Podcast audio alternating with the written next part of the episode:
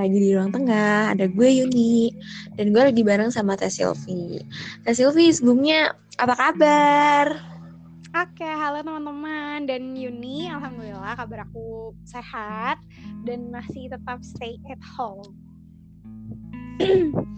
Oke, okay, bagus ya. Masih kita harus tetap uh, menjalankan program physical distancing biar wabah corona ini bisa cepat berlalu dan kita bisa beraktivitas seperti sedia kala.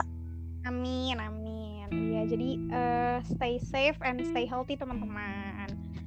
Amin, amin, amin. Oke nih Teh, kenalin diri dulu dong Teh biar teman-teman pada tahu. Oh iya, oke. Okay. Uh, eh, ya teman-teman kenalin aku Silvi. Uh, sama kayak Yuni di kampusnya ya Yun. Bedanya Yuni di FTIP uh, dan aku adalah alumni uh, psikologi. Gitu teman-teman. Oke, jadi teman-teman, ruang tamu lagi kedatangan seorang sarjana psikologi. Nah, mumpung kita lagi uh, ketemu lagi ngobrol asik dan bermanfaat sama seorang sarjana psikologi kayaknya asik kalau kita bahas takut deh teh. Karena kenapa sih uh, enak banget bahas takut? Karena sadar gak sih teh sebenarnya hidup kita tuh penuh dengan rasa takut. Entah takut mengecewa uh, sama kadang takut hal-hal yang mungkin gak lagi. Misalkan takut binatang apa yang takut rambutan kah? Atau takut ketinggian dan lain-lain. Sebenarnya apa sih teh bedanya rasa takut terus kemudian paranoid. Uh, gimana sih teh? Oke. Okay. uh, eh, jadi sebenarnya kalau kita bicara soal takut dan paranoid tadi ya yang disebut yang disebutkan oleh Yuni. Nah jadi kalau kita ngomongin takut sebenarnya takut itu adalah suatu emosi. Suatu emosi yang uh, bahasa lainnya juga adalah perasaan gitu ya mungkin lebih familiar. Jadi emosi ini pasti dimiliki oleh semua manusia dan takut adalah salah satu emosi dasar. Jadi sebenarnya hadirnya takut uh, pada diri kita itu adalah sesuatu yang wajar dan manusiawi dan bahkan memang diciptakan untuk ada di dalam diri kita gitu. Karena dengan perasaan takut kita jadi tahu apa sih yang sebenarnya uh, ap, misalnya ada ancaman apa sih di, di hadapan kita atau ada hal berbahaya apa sih di depan kita gitu. Kalau kita nggak punya emosi takut, kita tidak akan siap dirinya untuk menghadapi hal-hal yang bisa jadi sebenarnya membahayakan kita gitu. Nah, kalau bicara soal paranoid, yeah. sebenarnya ini udah bicara soal kondisi psikologis, kondisi-kondisi yang e, mengarah pada gangguan gitu. Jadi kalau paranoid sendiri, ini emosi takutnya itu udah sangat intens, sudah sangat mengganggu dan bisa jadi alasan dari perasaan takut ini pun sesuatu yang sebenarnya uh, tidak masuk akal atau misalnya tidak uh, cukup kuat buktinya. Misalnya kayak takut ada orang nyelakain diri kita gitu. Makanya uh, kita benar-benar menghindari orang-orang menghindari sama sekali nggak mau ketemu sama orang karena takut orang um, akan membahayakan atau mencelakai kita. Nah itu kan akan sangat mengganggu keseharian kan karena kita tidak mungkin tidak iya. ketemu sama orang sama sekali misalnya gitu. Dan kita juga tidak sebenarnya tidak punya cukup uh, bukti atau tidak punya cukup penilaian yang objektif gitu tentang sebenarnya orang itu bisa nyelakain kita atau enggak sih gitu. Pokoknya di bayangan kita semua orang membahayakan, semua orang membahayakan misalkan kayak gitu. Jadi kalau udah bicara soal paranoid sebenarnya uh, ketika kita udah merasa perasaan takut kita ini sudah uh, melampaui batas kewajaran, sudah mengganggu keseharian kita, sudah membuat kita tidak bisa berfungsi seperti berfungsi dan berkegiatan seperti sewajarnya, uh, bisa jadi ini mengarah ke gangguan tadi gitu dan ini uh, sangat bisa dibantu oleh uh, pihak eh, dibantu oleh orang-orang dari profesional gitu. Oke. Dari pemaparan Teh tadi, aku tertarik sih Teh sama pernyataan sama pernyataan Teteh yang bilang kalau rasa takut itu adalah sebuah perasaan wajar uh, manusiawi uh, agar kita mau belajar atau mengantisipasi sebenarnya ada apa di depan. Seperti itu kan teh. betul. Uh, nah, berarti mungkin agak nyambung sih teh sama sedikit pengalaman aku pribadi sih. Oke. Jadi karena tadi teteh bilang rasa takut sama paranoid itu bedanya di intensitasnya. Kalau takut itu baru sebatas perasaan emosional yang intensitasnya nggak begitu sering. Kemudian kalau misalkan paranoid itu intensitasnya udah sering dan mungkin sampai mengganggu sama kegiatan sehari-hari gitu kan. Iya. Aku nggak akan bahas detail uh, penyebab aku takut gara-gara apa. Mungkin secara singkat aja ya Teh ya. Sebatas apa ya pengalaman pribadi dan aku udah pernah merasakan uh, mengalami itu gitu. Jadi aku mengklasifikasi mengklasifikasinya paranoid karena uh, sebenarnya rasa takut yang aku takutin ini sudah uh, apa namanya sudah uh, mengganggu dalam kehidupan sehari-hari saat itu aku lagi takut sama yang namanya kematian penyebabnya gara-gara aku baca artikel di salah satu website yang sebenarnya websitenya itu mungkin tidak bisa dipertanggungjawabkan dan isinya pun masih dipertanyakan. Cuman karena waktu itu aku udah terlanjur makan mentah-mentah, tanpa dibarengi dengan ilmu agama atau mungkin aku uh, terlalu mendalami bacaan itu dan aku lupa untuk mencari tahu di Al-Qur'an padahal sudah dijelaskan gitu kan. Itu yang menyebabkan aku uh, semakin paranoid. Yang sedikit mengganggunya ya saat aku takut itu aku takut keluar rumah, aku selalu berpikir buruk apa yang akan terjadi sama aku. Tak mungkin aku bakal ngalamin kejadian yang uh, aku sendiri selalu berpikir negatif pokoknya. Kemudian uh, saat itu ya aku rubah mindset sih dan aku setuju sama omongan Tete yang tadi bilang kalau namanya rasa takut itu ada di manusia untuk apa namanya untuk kita belajar. Nah, gimana kalau misalkan nih Teh kita bahas lebih jauh ada pembelajaran di balik rasa takut.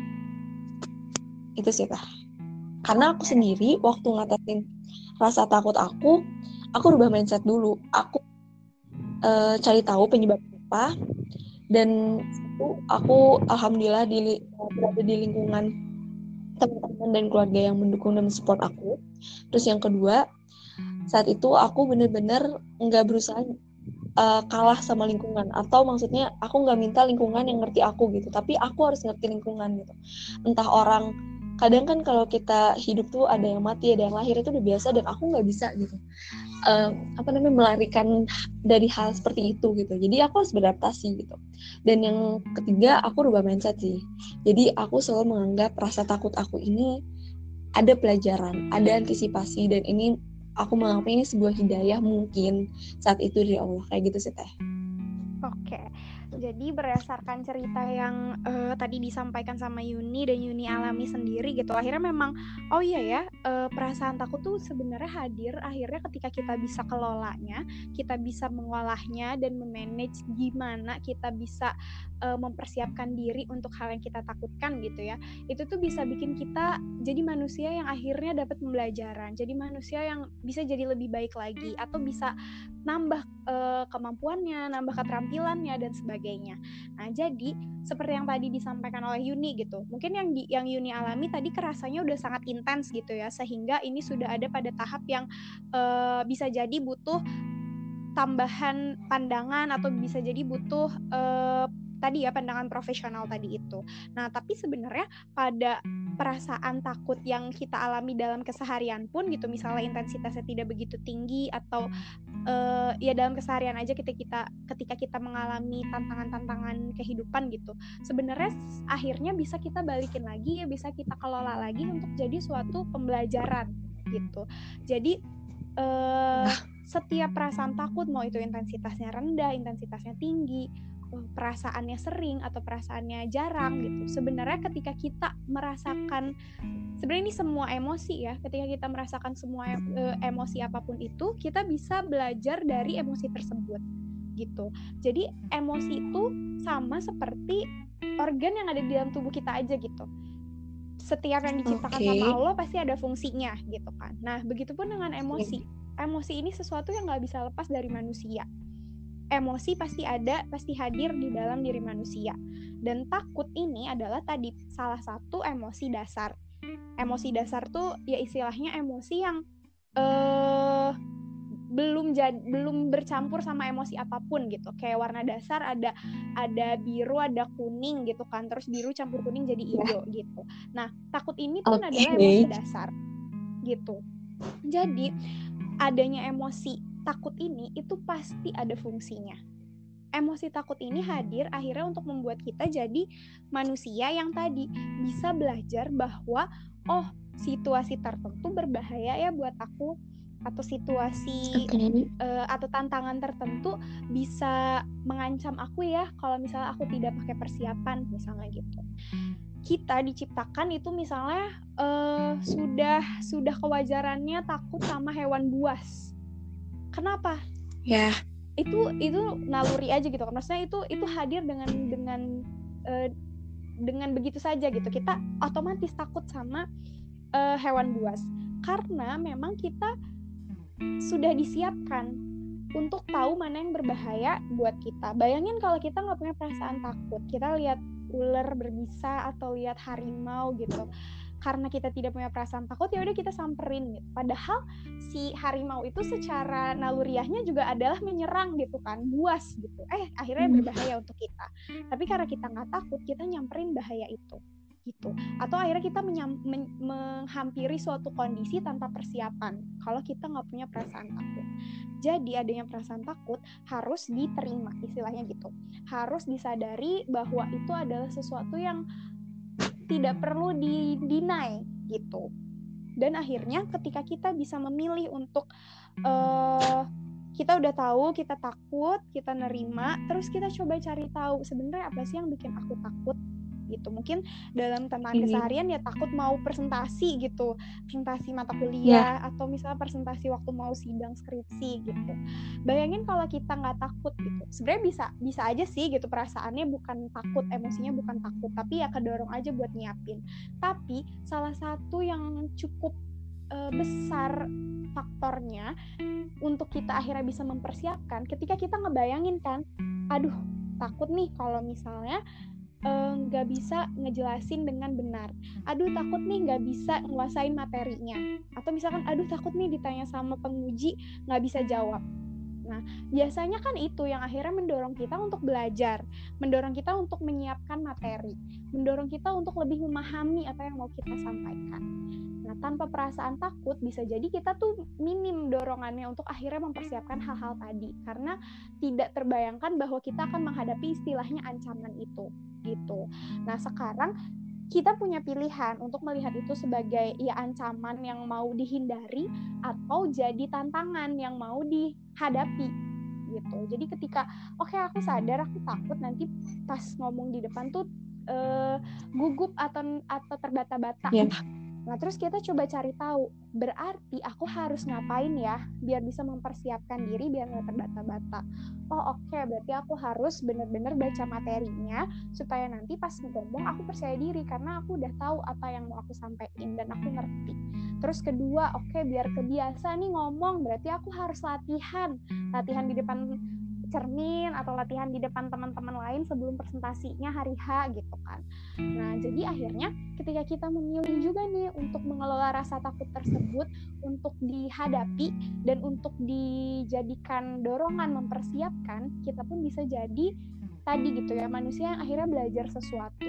Bisa jadi kita belum pernah gitu awalnya buat ngomong di depan umum, tapi kita memilih untuk menghadapi perasaan takut tersebut, kita jadi tahu oh aku bisa ya ternyata ngomong di depan umum. Walaupun aw diawali dengan perasaan takut itu membuat aku lebih mempersiapkan diri. Dan ketika aku beneran ada di hadapan orang-orang banyak ternyata aku bisa gitu. Akhirnya kita juga jadi manusia yang keterampilannya bertambah lagi berkembang lagi. Dan itu awalnya juga ya dari perasaan takut gitu. Jadi itu wajar. Dan itu bisa dijadikan pilihan oh. untuk jadi pembelajaran Oke oke oke. Berarti nih ya Teh ya. Sebenarnya uh, dari yang aku tangkap nih, jadi rasa takut tuh sebenarnya bukan emosi negatif, tapi melainkan uh, positif ya. Lebih cenderung positif karena dengan rasa takut kita bisa mengantisipasi, kita bisa belajar, kita bisa mempersiapkan lebih matang. Dan kemudian gak cuman takut yang sebenarnya uh, bermakna atau mungkin bisa uh, ber apa ya? Kan tadi kita so ngebahas rasa takut di baliknya ada pembelajaran. Semua emosi yang kita hasilkan itu selalu bisa memberikan pembelajaran ya pastinya. Dan benar sih, rasa takut ini balik lagi mau diantisipasi sama kita dengan cara uh, menghindarinya atau menghadapinya.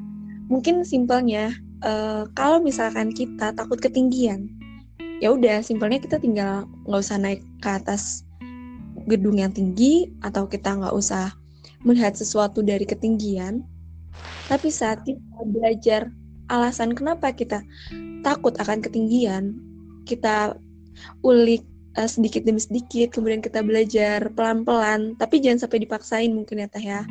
Kayak semampunya kita perlahan-lahan. Karena waktu aku pribadi pun ya aku cari tahu kemudian aku sharing sama teman-teman butuh dapat pandangan dan saat itu aku terima dulu rasa takut itu dan berusaha nanya kenapa gitu. Kenapa ini terjadi? Enggak. Tapi aku selalu bertanya uh, apa sih sebenarnya yang terjadi apa sih sebenarnya hikmah yang ada di kejadian ini? Gitu. Itu sih poinnya. Ya itu baik lagi ya tadi. Kalau kita takut ketinggian tapi kita menghindar ya kita nggak akan tahu apa yang kita bisa lihat dari ketinggian. Tapi kalau misalkan kita melawan rasa takut itu sendiri mungkin kita bisa melihat pemandangan dari puncak atau dari ketinggian atas gedung. Kayak gitu sih maksudnya kalau aku sih lebih prefer gimana cara ngatasin rasa takut? Ya dengan lo hadapin gitu lo lawan rasa takut lo. Emang susah emang gak gampang. Mungkin ada yang sebagian bisa memanage dengan dirinya sendiri atau mungkin dengan bantuan orang lain atau mungkin dengan bantuan para ahli gitu dengan treatment-treatment khusus. Yaitu balik lagi ke rasa takut teman-teman. Dan tadi kan ada yang mungkin sebatas takut atau sebatas paranoid atau mungkin uh, ada fobia dan lain-lain kayak gitu sih teh. Ya kan? Iya betul. Nah, terus mungkin catatannya sebenarnya ketika kita bilang e, takut tuh emosi apa sih gitu. Sebenarnya ada tetap ada yang namanya emosi negatif, e, ada juga yang namanya emosi positif gitu ini bergantung juga sama perasa eh, sama uh, misalnya gejala-gejala fisik yang hadir di diri kita gitu. Sebenarnya kita bisa okay. bisa aja bilang kalau emosi takut ini adalah emosi yang negatif gitu karena memang perasaannya di diri kita nggak enak gitu kan.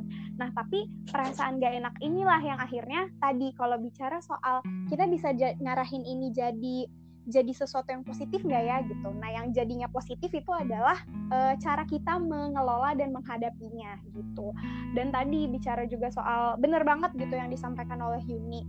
Ketika kita memilih untuk menghadapi, pilihan kita untuk menghadapi pun bisa jadi nggak cuma e, harus menghadapinya sendirian gitu. Pada beberapa kondisi kita pun uh, punya pilihan untuk menghadapi dan ditemenin juga nih sama orang-orang di sekitar kita atau tadi kaitannya ketika udah sangat mengganggu gitu ya emosinya kita bisa ke para ahli ke para profesional gitu. Sehingga akhirnya uh, itu tuh bukan sesuatu yang bukan sesuatu yang uh, aneh gitu.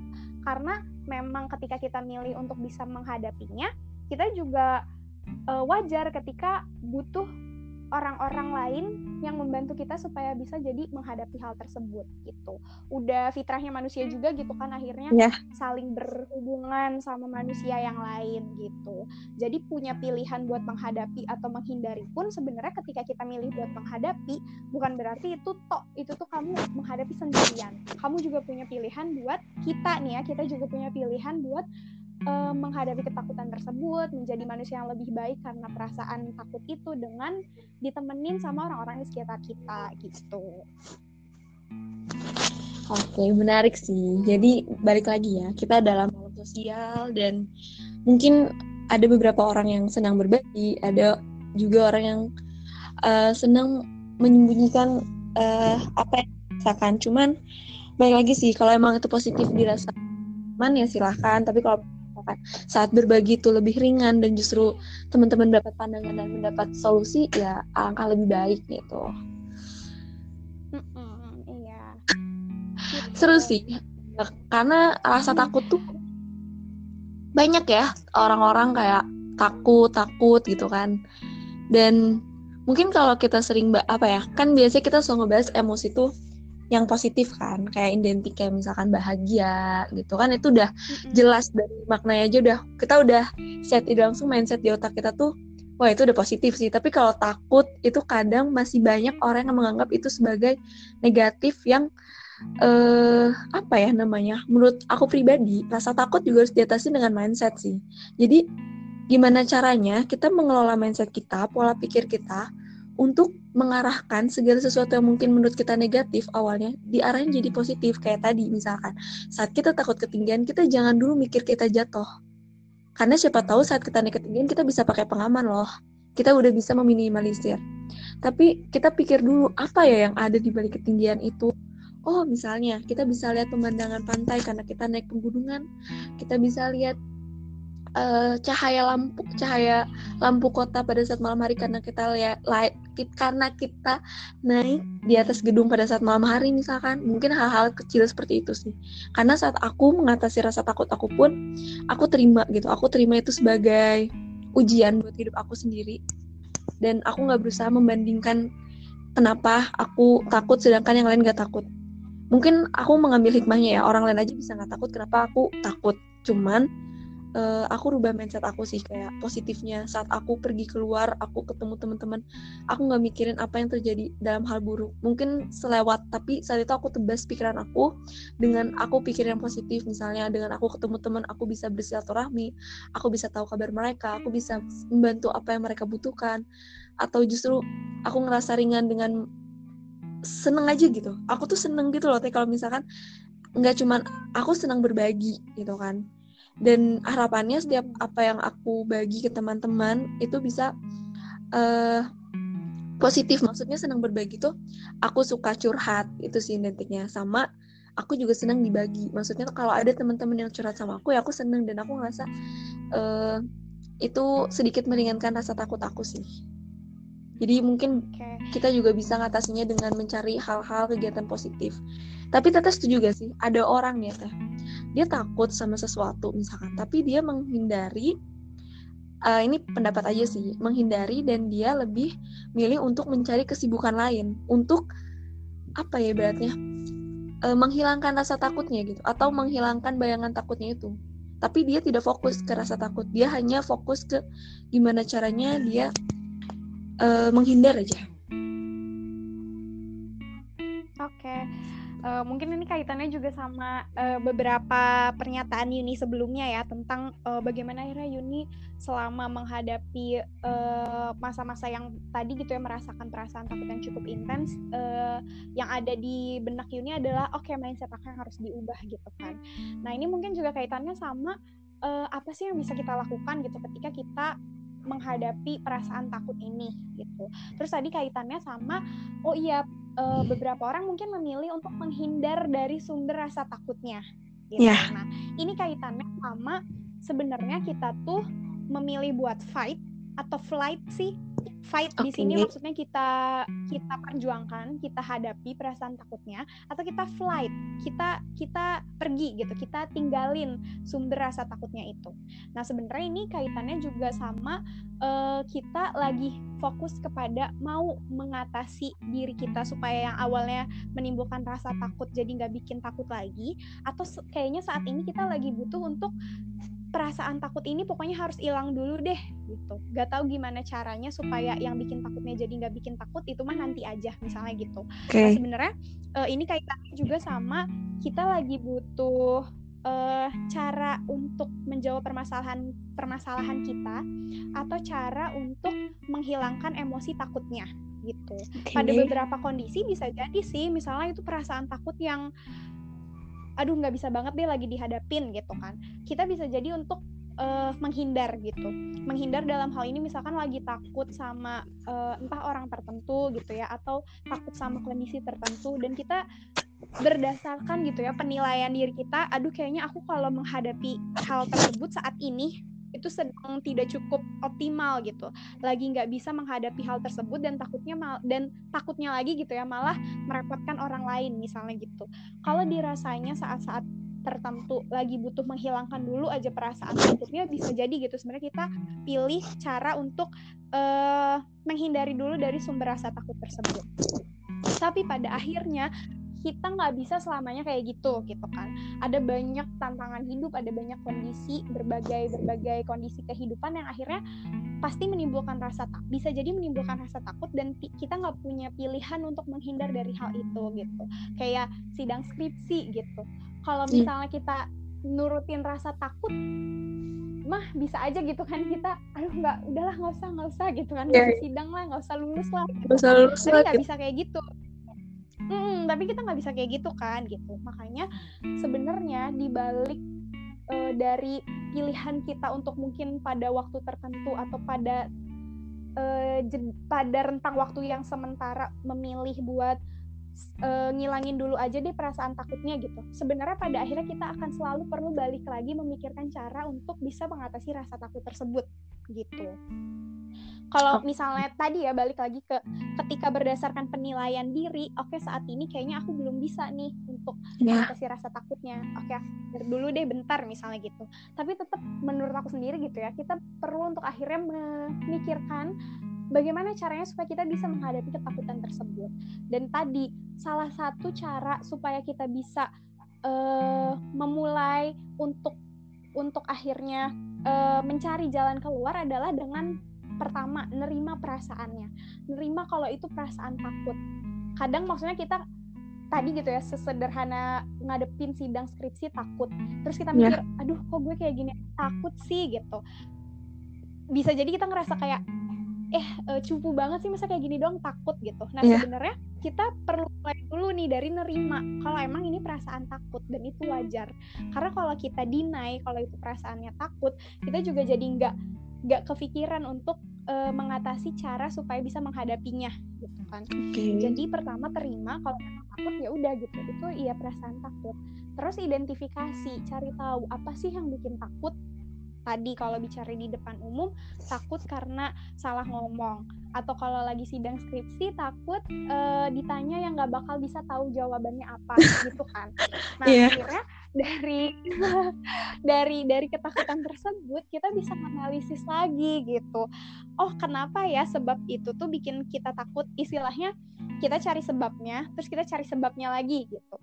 Cari sebab dari takut nggak bisa jawab pertanyaan penguji itu kan aduh soalnya kalau misalnya nggak bisa jawab nanti uh, disinisin gitu. Atau aduh kalau nggak bisa jawab nanti bla bla bla bla bla bla gitu. Akhirnya selalu ada akar-akarnya lagi gitu kan. Nah akhirnya yang perlu kita lakukan adalah coba kita pisahin mana yang bisa kita kontrol dan mana yang nggak bisa kita kontrol. Kayak tadi jawab pertanyaan dosen jawab pertanyaan penguji yang nggak yeah. bisa kita kontrol apa pertanyaan pengujinya kan jadi yeah. kalau misalnya kita selalu ngebayangin kemungkinan yang banyak dari pertanyaan yang bisa keluar dari penguji itu nggak akan ada habisnya gitu tapi kita bisa meminimalisir kemungkinan kita nggak bisa jawab dengan belajar dengan hmm. kita pahami materi dengan kita ya? uh, mencoba menguasai lagi sebenarnya skripsi aku ngomongin apa sih jadi kaitannya nanti kira-kira uh, akan berhubungan sama topik apa lagi ya gitu. Jadi jangan terlalu fokus sama apa yang nggak bisa kita kontrol. Misalnya tadi juga, aduh kalau nggak bisa jawab penguji nanti pengujinya marah-marah gitu. Itu juga nggak bisa kita kontrol kan. Penguji mau menunjukkan emosi apa, penguji mau mengekspresikan apa, itu nggak bisa kita kontrol. Yang bisa kita kontrol adalah persiapan diri kitanya untuk meminimalisir kemungkinan kita tidak bisa menjawab pertanyaan tadi gitu. Jadi tadi setelah mengenali emosinya apa, terus kita coba cari tahu sebab dari takut kita ini apa, terus kita cari, kita coba analisis mana yang tadi bisa dikontrol dan mana yang nggak bisa dikontrol. Dan akhirnya pilihan kita adalah untuk mempersiapkan apa yang bisa kita kontrol gitu. Oke, okay. oke okay nih berarti ya. Berarti buat temen-temen yang mungkin di luar sana punya rasa takut atau paranoid, jangan khawatir dan tolong rubah mindset teman-teman bahwa takut bukan suatu emosi yang negatif. Dan untuk cara mengatasinya ya harus dilawan.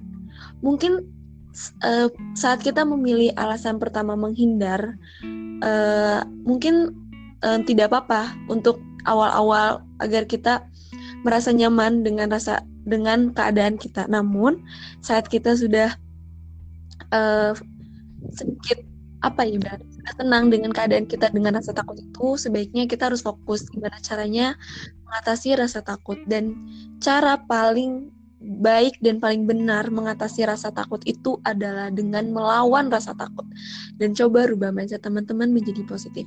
Teman-teman bisa ajak temannya untuk terlibat dalam mengatasi rasa takut teman-teman atau ajak keluarganya atau mungkin atau mungkin para tenaga ahli. Itu sih. Jadi namanya rasa takut itu bukan suatu masalah negatif, tapi kita harus rubah mindset kita dulu bahwa itu hal positif yang harus dihadapi dan kita harus uh, fokus ke hal yang dapat kita kontrol, bukan ke hal yang tidak dapat uh, dikontrol sama kita seperti itu. Dan rasa takut itu uh, sangat positif karena bisa mengantisipasi apa ya namanya kata karena bisa membuat kita lebih antisipasi akan apa yang kita takutkan seperti itu sih. Mm-mm. Tadi ya, jadi highlightnya lagi adalah uh, perasaan takut ini hal, adalah hal yang wajar. Jadi kunci pertama biar bisa mengatasinya, terima. Terima kalau memang, oh iya ternyata kondisi A aku bikin aku takut, kondisi B bikin aku takut. Dan setelahnya tadi ya beberapa hal yang udah disampaikan juga dan udah disebutkan lagi sama Yuni gitu. Terus tadi benar juga Yun highlightnya lagi adalah ketika kita fokus pada hal yang bisa kon kita kontrol, hal yang bisa kita kontrol ini pun uh, bisa jadi butuh bantuan orang kita orang di sekitar kita gitu. Jadi jangan sungkan jangan ragu ketika misalnya tadi ya kalau Yuni tipenya uh, sharing ke teman-teman sekitar mungkin. Mungkin beberapa orang sharingnya cuma ke satu atau dua orang yang sangat dipercaya. Nah silakan gunakan cara-cara tersebut juga gitu. Dan ketika ngerasa udah cukup uh, mengganggu dan butuh uh, bantuan profesional juga jangan ragu karena adanya profesional pun untuk menambah uh, pandangan kita gitu supaya kita bisa terbantu menemukan cara supaya bisa meng mengatasi perasaan takut tersebut. Mungkin tadi ya Yun kalau ngomongin lagi juga dan ketika ngomongin juga soal hal yang tidak bisa kita kontrol, ada juga satu faktor yang bisa ngebantu kita untuk uh, mengelola, bisa bantu kita untuk mengelola perasaan takut. Karena karena ada hal yang tidak bisa kita kontrol, kita juga akan sangat terbantu ketika kita percaya bahwa akan ada yang selalu mengatur hal yang tidak bisa kita kontrol tersebut. Oke. Okay. Gitu. Makanya uh, salah satu faktor yang juga ngebantu rasa takut adalah uh, keyakinan kita kepada pencipta, spiritual hmm. spiritualisme kita, spirit spiritualitas kita, terus juga uh, bagaimana kita uh, banyak melakukan uh, tadi ya ibadah-ibadah yang kita yakini gitu. Karena kita tahu ada hal yang gak bisa kita kontrol dan jangan khawatir gitu. Ada yang pasti mengatur hal yang tidak bisa kita kontrol tersebut.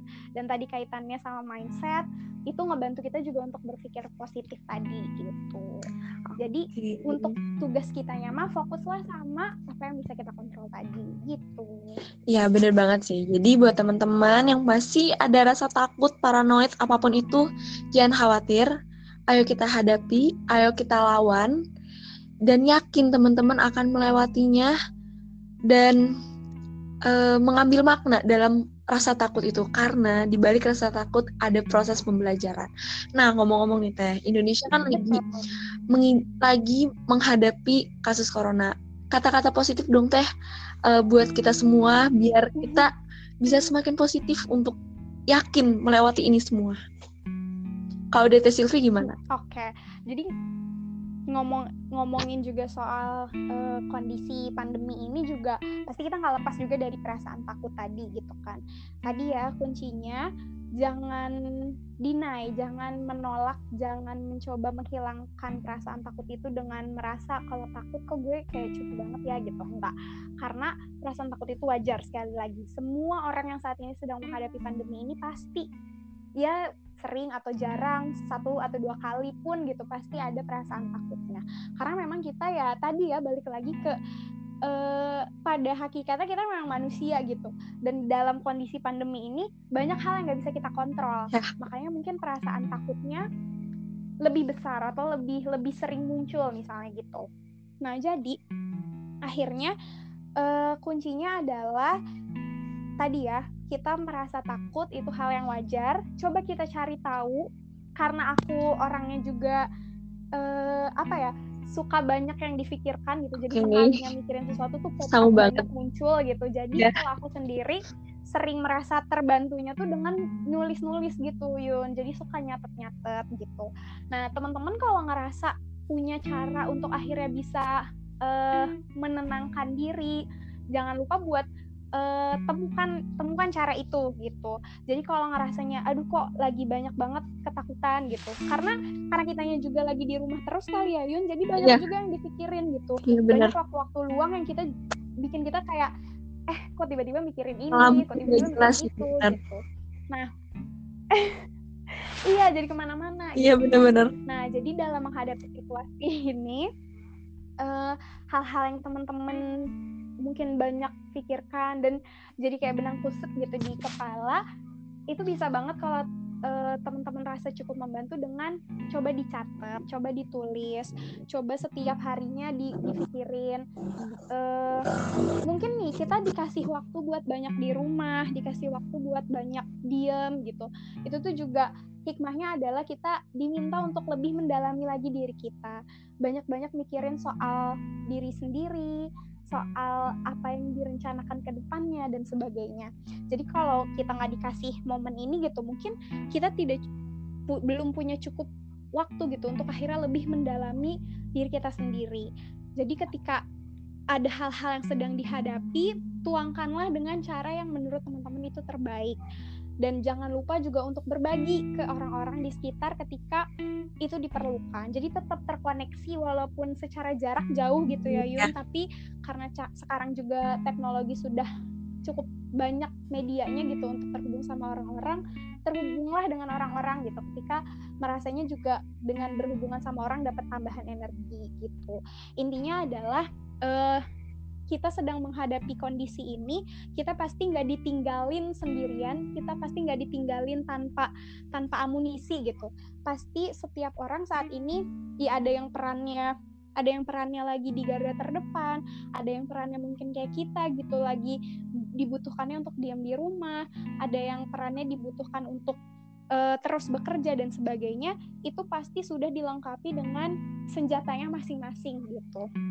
Jadi kita pun ketika sekarang sedang menghadapi hal ini, disuruhnya di rumah, kita juga pasti dikasih kekuatannya buat menghadapi hari-hari ini gitu. Yang terpenting adalah uh, jangan lupa untuk selalu tadi ya meyakini bahwa karena banyak karena di kondisi ini banyaknya yang nggak bisa kita kontrol gitu meyakini bahwa ada yang maha kuasa gitu iya. yang mengatur ini semua dan akhirnya sekarang yang bisa kita lakuin, yang bisa kita kontrol adalah diem di rumah. Terus kalau misalnya harus melakukan sesuatu untuk healing atau untuk mengungkapkan perasaan-perasaan yang lagi terpendam di diri dan di pikiran gitu, tuangkanlah itu dengan berbagai cara tadi gitu. Dan insya Allah gitu semoga dari ini, dari kejadian ini uh, akhirnya kita masih selalu dikasih kekuatannya buat hmm. menghadapi ini sampai beres dan ketika beresnya pun kita nggak lagi uh, menyanyiakan nikmat yang sempat diambil ya. sekarang yeah. gitu. Ketika nanti kita dikembalikan ke kondisi semula, semoga kita jadi tadi ya, jadi manusia yang akhirnya belajar sesuatu lagi gitu dari kejadian-kejadian yang uh, terjadi sama kita gitu. Dan untuk untuk akhirnya bisa seperti itu gitu ya Yun, jangan sungkan buat tadi berbagi karena biasanya sumber penguatan yang disediakan oleh Allah gitu itu tuh hadirnya dari orang-orang terdekat kita gitu. Bener. Oke, mungkin dari aku singkat ya kata positif Indonesia menghadapi corona. Ya, kita sebenarnya tugas kita tuh sebagai makhluk hanya berencana, berikhtiar. Kita yakin itu bahwa menentukan uh, untuk mengatasi corona itu sendiri benar ada peran-perannya sendiri. Kita sebagai mungkin warga yang dibutuhkan diam di rumah, sebaiknya kita diam di rumah, stay at home, jangan ke mana-mana. Kalaupun memang harus keluar rumah, harus tetap uh, jaga kebersihan, jaga higienitas higienitasnya, kemudian juga perhatikan uh, jaraknya. Uh, setelah itu, paling terpenting adalah kesehatan mental teman-teman. Karena kalau emang dirasa teman-teman udah merasa bosan dan jenuh dengan apa ya namanya kasus dan berita yang ada karena kan gak banyak juga teman-teman di sini yang mungkin banyak agenda yang tersendat terhambat kemudian timeline-timeline teman-teman, tapi jangan khawatir. Mungkin terhambatnya teman-teman ada waktu terindah yang telah Allah siapkan untuk teman-teman. Jadi tetap positif dan tetap harus bersyukur sih, karena kita harus yakin dalam setiap kejadian yang ada pada hidup kita itu pasti ada maknanya. Dan balik lagi, kalau teman-teman butuh healing, healing aja dulu dan cari kegiatan yang positif.